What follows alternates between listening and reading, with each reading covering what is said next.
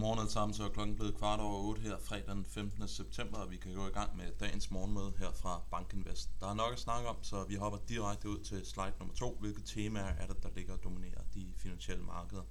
Først og fremmest, jamen, så vil vi altså vidne til endnu et rentemøde fra ECB, hvor de hævede renten, og det gør de altså til trods for, at vækstudsigterne for Europa bliver forværret i øjeblikket, og samtidig med, at inflationen ligger på høje niveauer.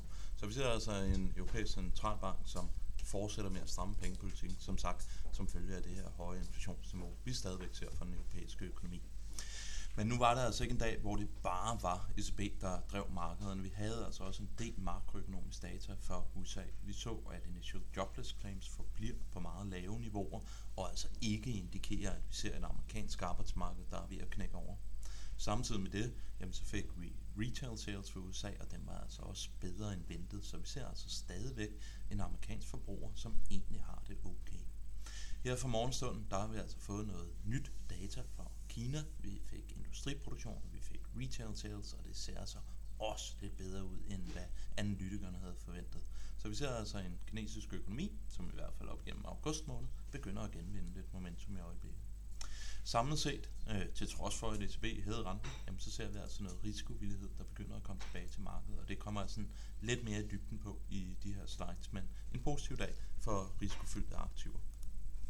Dagen, det var jo præget af Lagarde, og Lagarde hun var ude og holde et pressemøde, hvor hun strammede pengepolitikken yderligere. Hun sagde alt det, man skal sige som en centralbanksdirektør.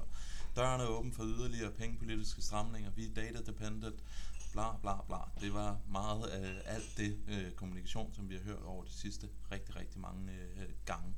Men det er altså vores forventning, at den pengepolitiske stramning, som vi har set nu, det er altså den sidste.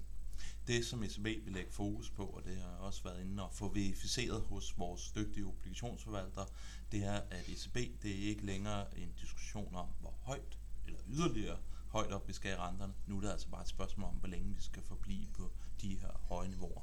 Men i hvert fald, som I kan se af grafen, så har det altså været en meget, meget kraftig pengepolitisk stramning, som vi har set af ECB. Og i ECB's historik, jamen, så står vi altså også med de højeste renter, siden at den centralbank den blev initieret. Og hvorfor er det så, at ECB de fortsætter med at stramme, til trods for at væksten ser ud, som den gør? Jamen det er jo, at ECB har en målsætning, alene en målsætning om, at inflationen den skal svinge omkring 2%. Og i øjeblikket, så ser vi altså både en kerne og en headline-inflation, som i Europa er lidt på, eller på for høje niveauer. Vi så også, at ECB de var ude og opdatere deres forecast, og der reviderede de altså headline-inflationen for 2023, for 2024, så er det dog værd at bemærke, at det ikke var beværkelsesværdigt meget for 2025, som er det sande mål for, hvor ECB egentlig forventer øh, at ligge. Så det er altså stadigvæk en økonomi, som på en kort horisont ser en forhøjet inflation. Og så bare for sjov skyld, skulle jeg næsten til at sige, om så har jeg altså taget analytikerne forventningerne med til Eurozone BNP-væksten i de forskellige år, og som vi kan se, jamen 2021, det var jo et stadig år, der havde vi BNP-vækst på 5,25 procent. Det var jo drevet af, at vi kom ud af coronakrisen, vi åbnede op, og så skulle der altså bare, eller så var der bare rigtig, rigtig meget gang i kedlerne. Så kom vi igennem 2022, der kom vi igennem med en vækst på 3,5 procent. Det var altså bedre, end hvad mange havde frygtet. Øh, og det var faktisk relativt høje niveauer. 3,5 for euroområdet, det er altså et rigtig, rigtig højt niveau.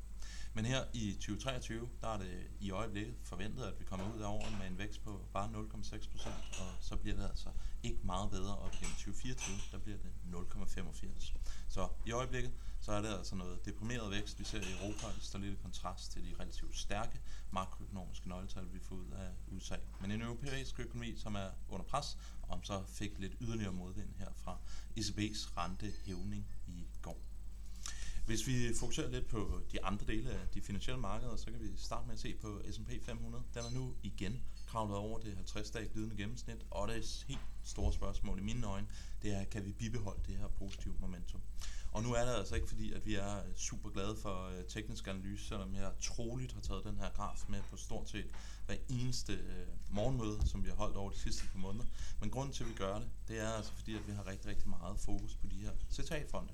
Det er jo altså de fonde, som alene agerer på baggrund af prissignaler i markederne. Hvis momentum begynder at etablere sig, hvis momentum bliver stærkt, jamen så vil de her fonde eller den her type investor gå i gang med at købe aktier.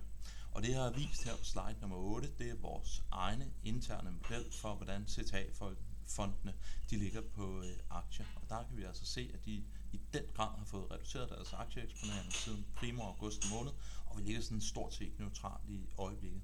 Det er altså en investorgruppe, som hvis momentum kommer tilbage, så vil de altså være tvungne købere af aktier, og det vil altså i vores øjne i hvert fald kunne forstærke en opadgående bevægelse.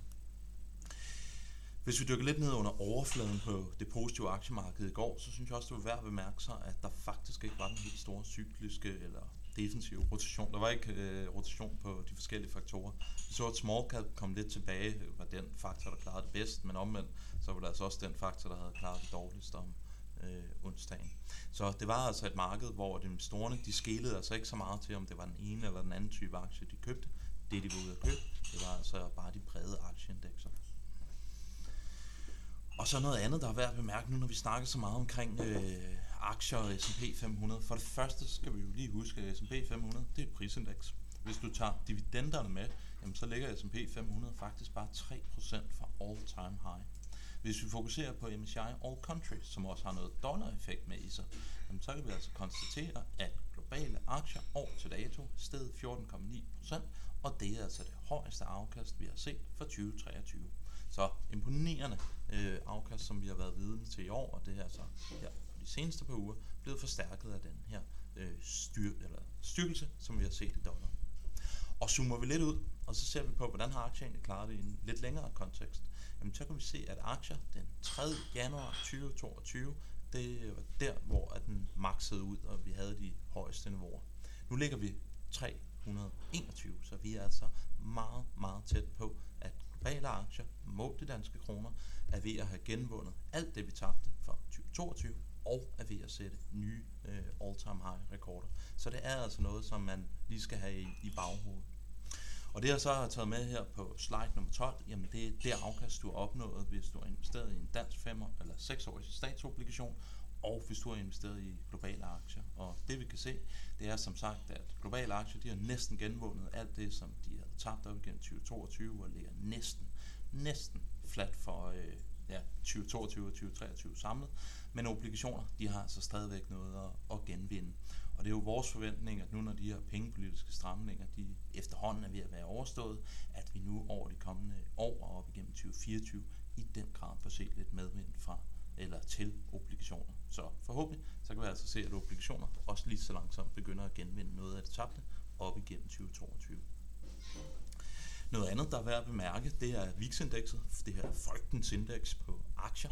Det faldt altså til 12,8, og det er altså meget, meget lave niveauer. Vi er altså nede på de laveste niveauer for 2023 som helhed. Så vi ser altså et optionsmarked, som virkelig synes at være optimistiske på de sidste tre måneder af 2023 fokuserer vi på Atlanta Fed, som vi fik her i øh, en opdateret reading af i går, jamen, så indikerer den, at den amerikanske økonomi i øjeblikket ligger og vokser med 4,9% heroppe i tredje kvartal. Så igen, det er altså også en illustration på, at selvom Europa har en masse udfordringer, selvom der er en masse støj i Kina, så ligger den amerikanske økonomi altså i øjeblikket og klarer det rigtig, rigtig godt. Så har jeg taget Initial Jobless Claims med, for den fik vi også i går. Den kom ud på 220, det var marginalt op i forhold til sidste uge, men niveauerne, det er altså rigtig, rigtig lavt. Så den indikerer altså ikke, at vi er ved at se et amerikansk arbejdsmarked, der er sådan for alvor ved at bremse op. Og så fik vi som sagt retail sales for USA. Nu har jeg fokuseret på måned for måned, core øh, retail sales, hvor du piller autos og du finder benzinomkostninger fra, og der ligger vi altså og stiger med 0,2, og det var altså lidt bedre, end hvad analytikerne havde forventet. Så det indikerer altså, at vi stadigvæk har en amerikansk forbruger, som er i relativt god stand. Og så fik vi som sagt også noget kinesisk makro ud her fra morgenstunden. Det var også positivt. Nu lyder det som om, jeg næsten ikke har andet end positive øh, historier i mig. Men vi så altså, at industriproduktionen, jamen, den overraskede altså på opsiden og steg mere, end hvad analytikerne havde forventet. Og det er jo dejligt at se, at vi begynder at have sådan noget form for stabilisering i, i Kina i øjeblikket. I går, der fik vi, øh, selvom SB hævede den korte rente, så fik vi faktisk et relativt kraftigt fald i de lange renter. Men når vi ser lidt i det bredere perspektiv, så er der altså ikke en, øh, et helt så imponerende rentefald, som vi var vidne til. Vi ligger altså stadigvæk på relativt høje niveauer her for 2023.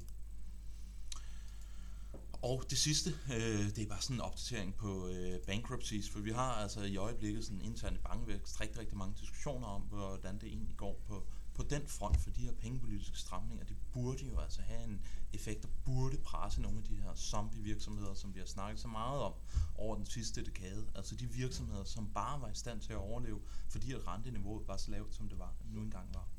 Hvis vi går ind og ser på den amerikanske økonomi, jamen der kan vi altså se, at antallet af bankruptcies, det er på vej op i øjeblikket. Og det er altså fra rigtig, rigtig lave niveauer op igennem 2021 og 2022. Så i øjeblikket, der ligger vi altså sådan hele træskolængder på det samme niveau, som vi havde fra 2014 og op til 2020, altså før coronakrisen materialiserede sig, men trenden, den er altså på vej op. Så det er altså lidt en illustration på, at den her stramning af pengepolitikken, det begynder at have en effekt. Nu kan man opgøre de her konkurser på rigtig mange måder, og man kan skære kagen på utrolig øh, mange måder.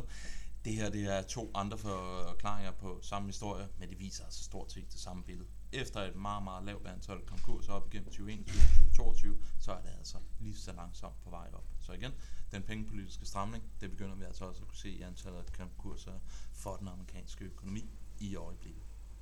Sidste slide efter det her meget lange gennemgang, jeg har været i gang med i dag. Hvad kommer i fokus i dag? Først og fremmest så er det Empire Manufacturing. Det er jo den første af de regionale PMI, som vi får ud for den øh, amerikanske økonomi, så det bliver rigtig interessant at se, om den kan indikere, at den amerikanske fremstillingssektor den begynder at, at få lidt energi. Så har vi også øh, amerikansk forbrugertillid, det er Michigan Consumer Confidence, som kommer ud. Så er der nok ingen tvivl om, at vi skal fordøje to ting. Den første, det er det her kinesiske makrodata, for det går lidt imod den her gængse narrativ, der har været over de seneste par måneder med, at Kina sådan stort set bare er på vej til at køre ud over kanten. Nu ser vi noget stabilisering. Hvordan kommer det ligesom til at influere markederne? Og i den forbindelse kan jeg lige konstatere, at vi rent faktisk ser øh, kinesiske aktier være lidt op her fra morgenstunden. Og sådan en rentemøde, det vi fik fra ECB, det bliver altså ikke bare øh, fordøjet på et par timer. Det skal vi altså nok bruge et, øh, et par dage til. Så vi kommer nok også til i dag at ligge og fordøje det.